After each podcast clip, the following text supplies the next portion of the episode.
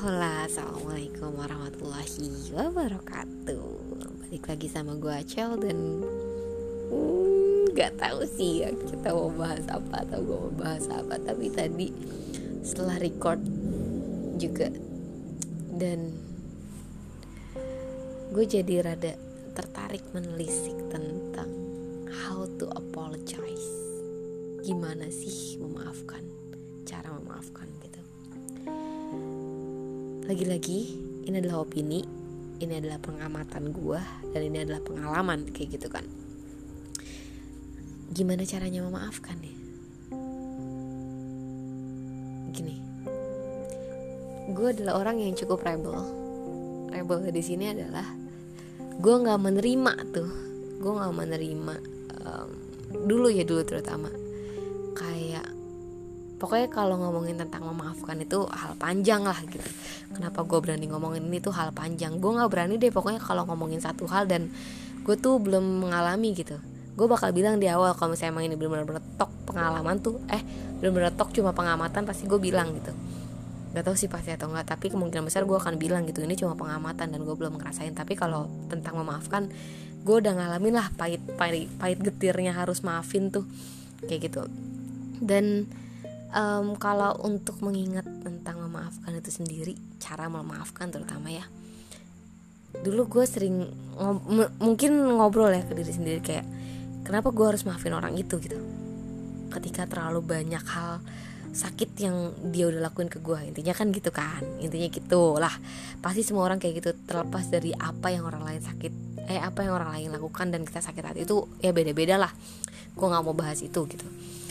Tapi intinya gitu gue bilang gini maksudnya gue nggak inget ini apakah gue ngobrol sama orang lain atau gue ngobrol sama diri gue sendiri. Intinya gini um, dulu terutama kenapa gue harus maafin dia? Ketika terlalu banyak hal yang emang dia tuh berhak kok buat nggak gue maafin gitu. Terus misalnya nih tapi kan cel gitu Tuhan aja maha pemaaf. Gue tuh kadang pengen gue cut gini ya itu Tuhan gue manusia itu itu rebelnya gue kayak pokoknya banyak deh pemikiran-pemikiran aneh yang kayak ketika orang lain banyak memikirkan itu gue nggak setuju. Kayak ya kayak gitu salah satunya kayak gitu salah satunya. Kayak tiap orang harus memaafkan orang lain. Karena Tuhan aja maaf maaf masa lu sebagai hambanya nggak bisa memaafkan? Ya itu Tuhan men. Namanya juga Tuhan maha gitu. Maha pemaaf. Kan ada maha namanya manusia. Ya gue mau cuma manusia nggak ada maha manusia. Jadi gue nggak gue juga gue tidak gue tidak mendapatkan mendapatkan label maha juga gitu. Karena gue cuma manusia. Ya itu mah Allah subhanahu wa taala yang maha pemaaf ya gue mah manusia. Nggak semudah itu bro buat memaafkan tuh gitu kan. Maksudnya maksudnya gitulah gue kalau mau berdebat sama orang-orang yang bilang ya lu harus maafin lah gimana gimana. Dia tetap si ini dia tetap bagian dari hidup lu segala macem gitu kan. Lah gitulah. Itu itu rebelnya otak gue dulu gitu kan kayak ya itu mah Tuhan Tuhan mah maha pemaaf gitu kan ya. Gue manusia gue serba keterbatasan. Ya jangan nyalain gue kok tiba-tiba gue nggak bisa maafin lu gitu atau gue nggak bisa maafin orang itu gitu. Tapi seiring berjalannya waktu um, dan ternyata gue paham kenapa gue kenapa kita berubah juga ya. Karena dari segi otak tuh gue belajar faal juga tuh kan di prefrontal cortex. Pokoknya gitulah gue nggak inget namanya ya Aduh gue takut ada orang kedokteran yang denger ini dan ternyata gue salah. Pokoknya di bagian otak bagian depan tuh prefrontal, prefrontal itu Itu kalau udah dewasa tuh udah lebih mateng. Makanya kenapa kita lebih wise? Karena kita udah bisa lebih meregulasi tentang perasaan perasaan tadi lah gitulah pokoknya gitu. Pokoknya ini dibilangin bu neneng gue nggak inget deh tuh pokoknya prefrontal kita itu tuh udah lebih mateng. Makanya kenapa dari segi usia itu anak kuliahan semestinya bisa lebih bijak dibanding anak SMA kayak gitu.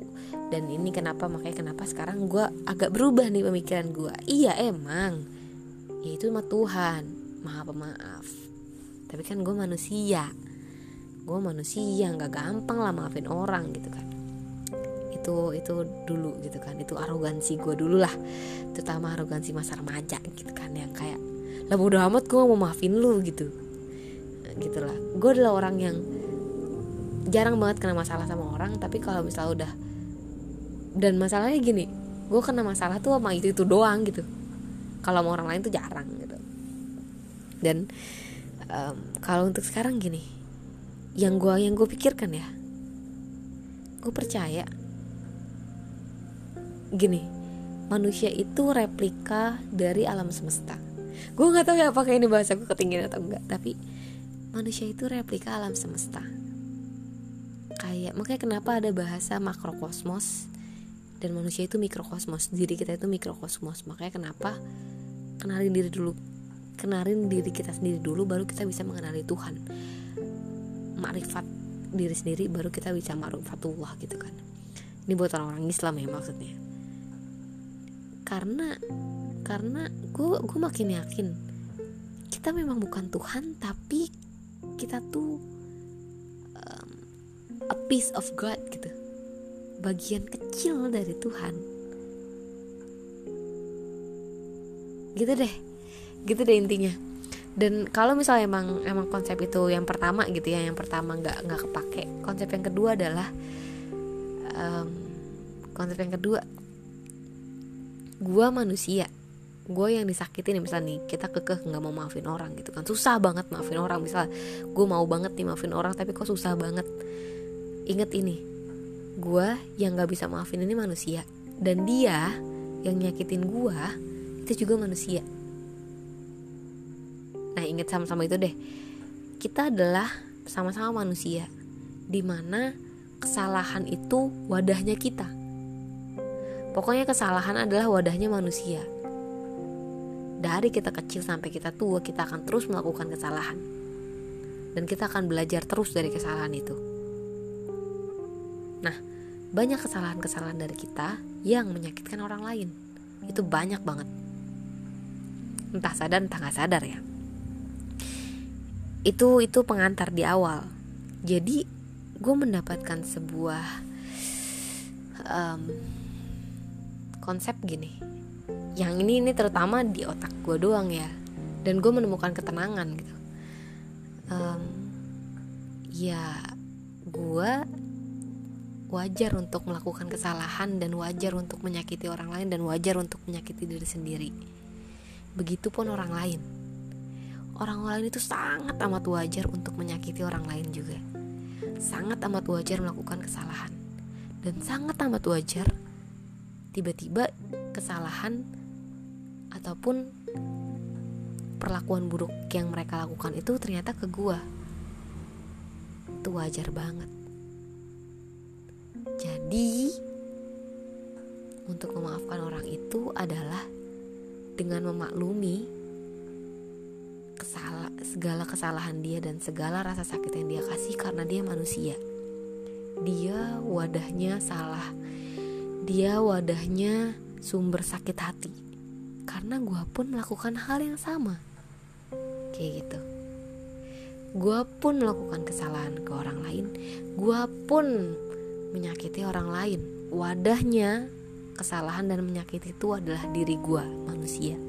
Dan sama orang lain pun kayak gitu ke gue jadi ketika gue memaafkan orang lain karena dia itu jadi gue bukan memaafkan lagi si A si B tapi memaafkan dia sebagai manusianya. Karena dia ladang kesalahan dan gue memaafkan itu. Itu sih gue gue nyampe ke situ.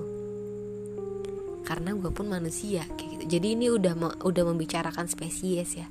Bicarakan spesies manusia bukan lagi individual. Misalnya nih sebagai si A si B si C.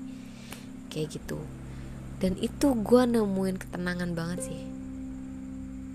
Karena jujur coba tanya tanya deh ke diri lu sendiri terutama orang-orang yang pengen banget maafin orang lain tapi susah banget maafin.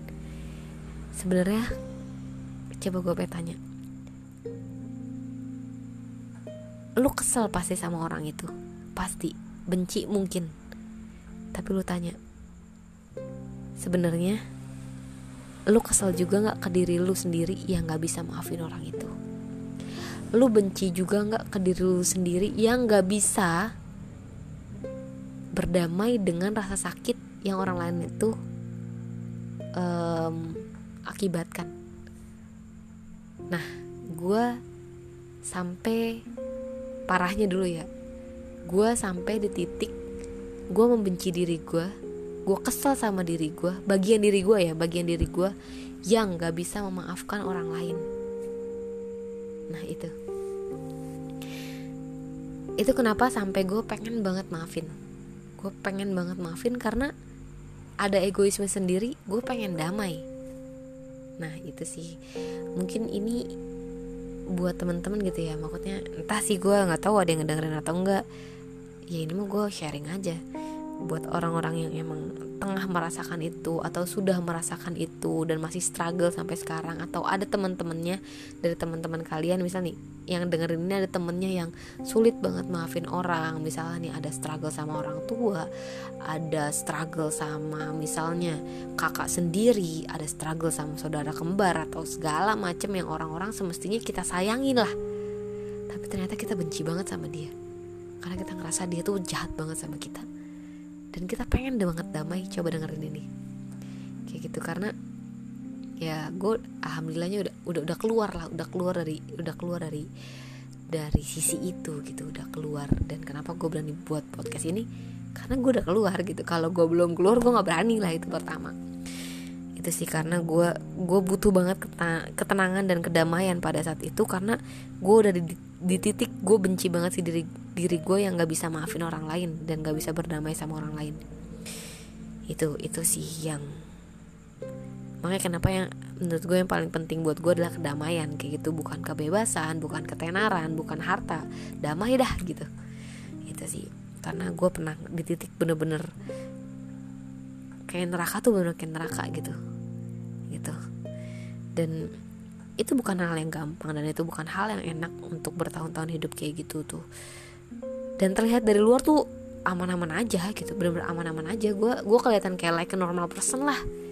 Hahaha main IG main sosmed um, terus pokoknya perilaku perilakunya tuh kayak orang-orang normal gitu. Tapi yang nggak mereka tahu gue makin retak di dalam gue makin pecah di dalam dan gue makin makin tidak bisa menerima diri sendiri. Makin tidak bisa menerima bagian di diri gue yang membenci orang lain. Itu sih dan ketika gue menemukan konsep itu mungkin gue menemukan konsepnya setelah gue setelah gue memaafkan ya. Jauh setelah gue memaafkan konsep ini dan ketika gue paham oh itu ternyata. Ya dia juga manusia gitu. Jadi sekarang tiap gue berteman nih tiap gue berteman kalau gue pribadi nih tiap gue punya hubungan sama orang gitu. Gue temen lah atau sama bokap sendiri atau sama adik gue tuh udah ngasih ruang buat mereka kayak gue udah ngasih ruang buat kecewa lah gitu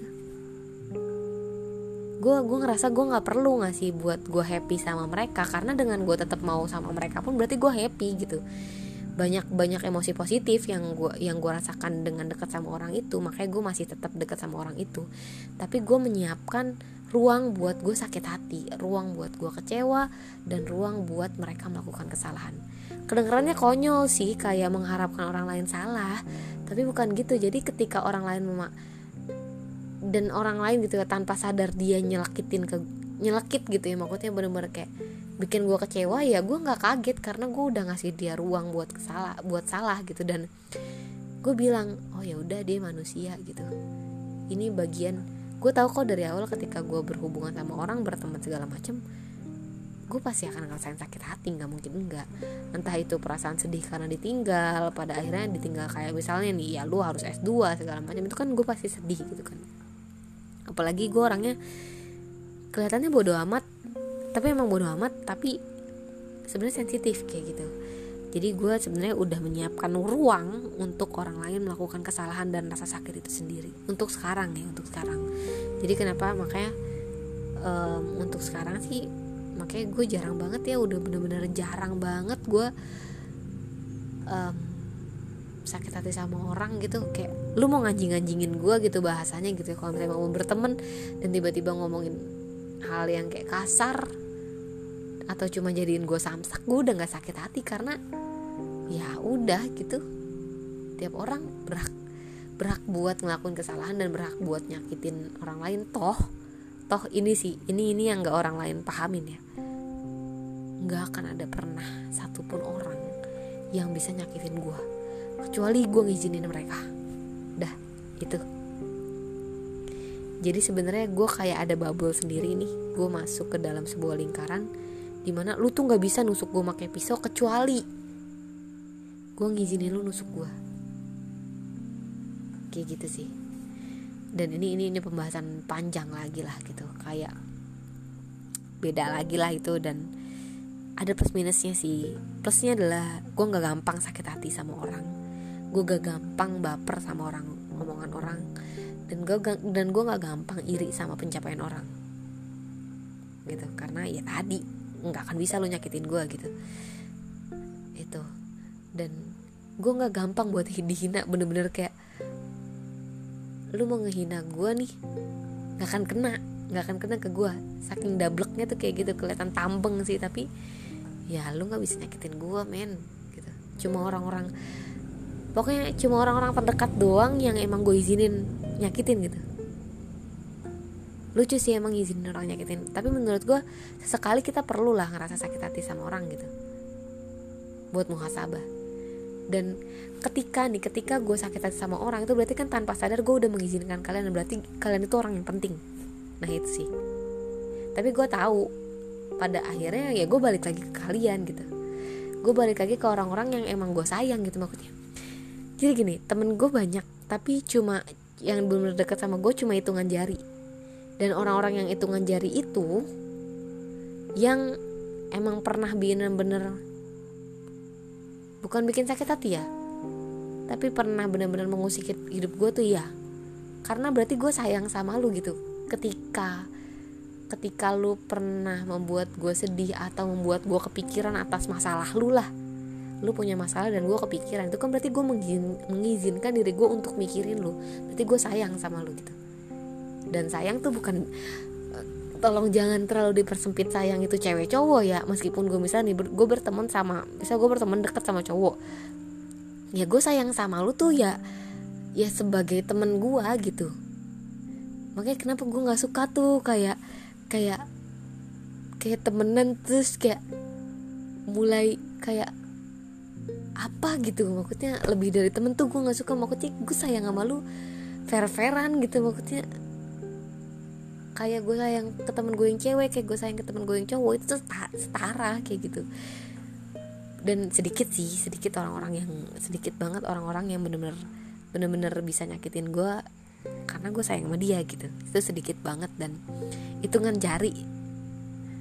Dan jujur gue rela lah buat mikirin orang-orang kayak gitu maksudnya mikirin masalah lu pada gitu. Makanya kenapa gue kalau kalau berteman atau ketemu orang baru rada selektif sih maksudnya selektif gue pasti berteman tapi gue pasti gue pasti kayak um, apakah ini akan menjadi orang dekat gue atau tidak? Itu pasti pasti sih dan gue pasti akan ngelihat benefit kalian ke gue gitu udah panjang banget. Gitu deh. Wassalamualaikum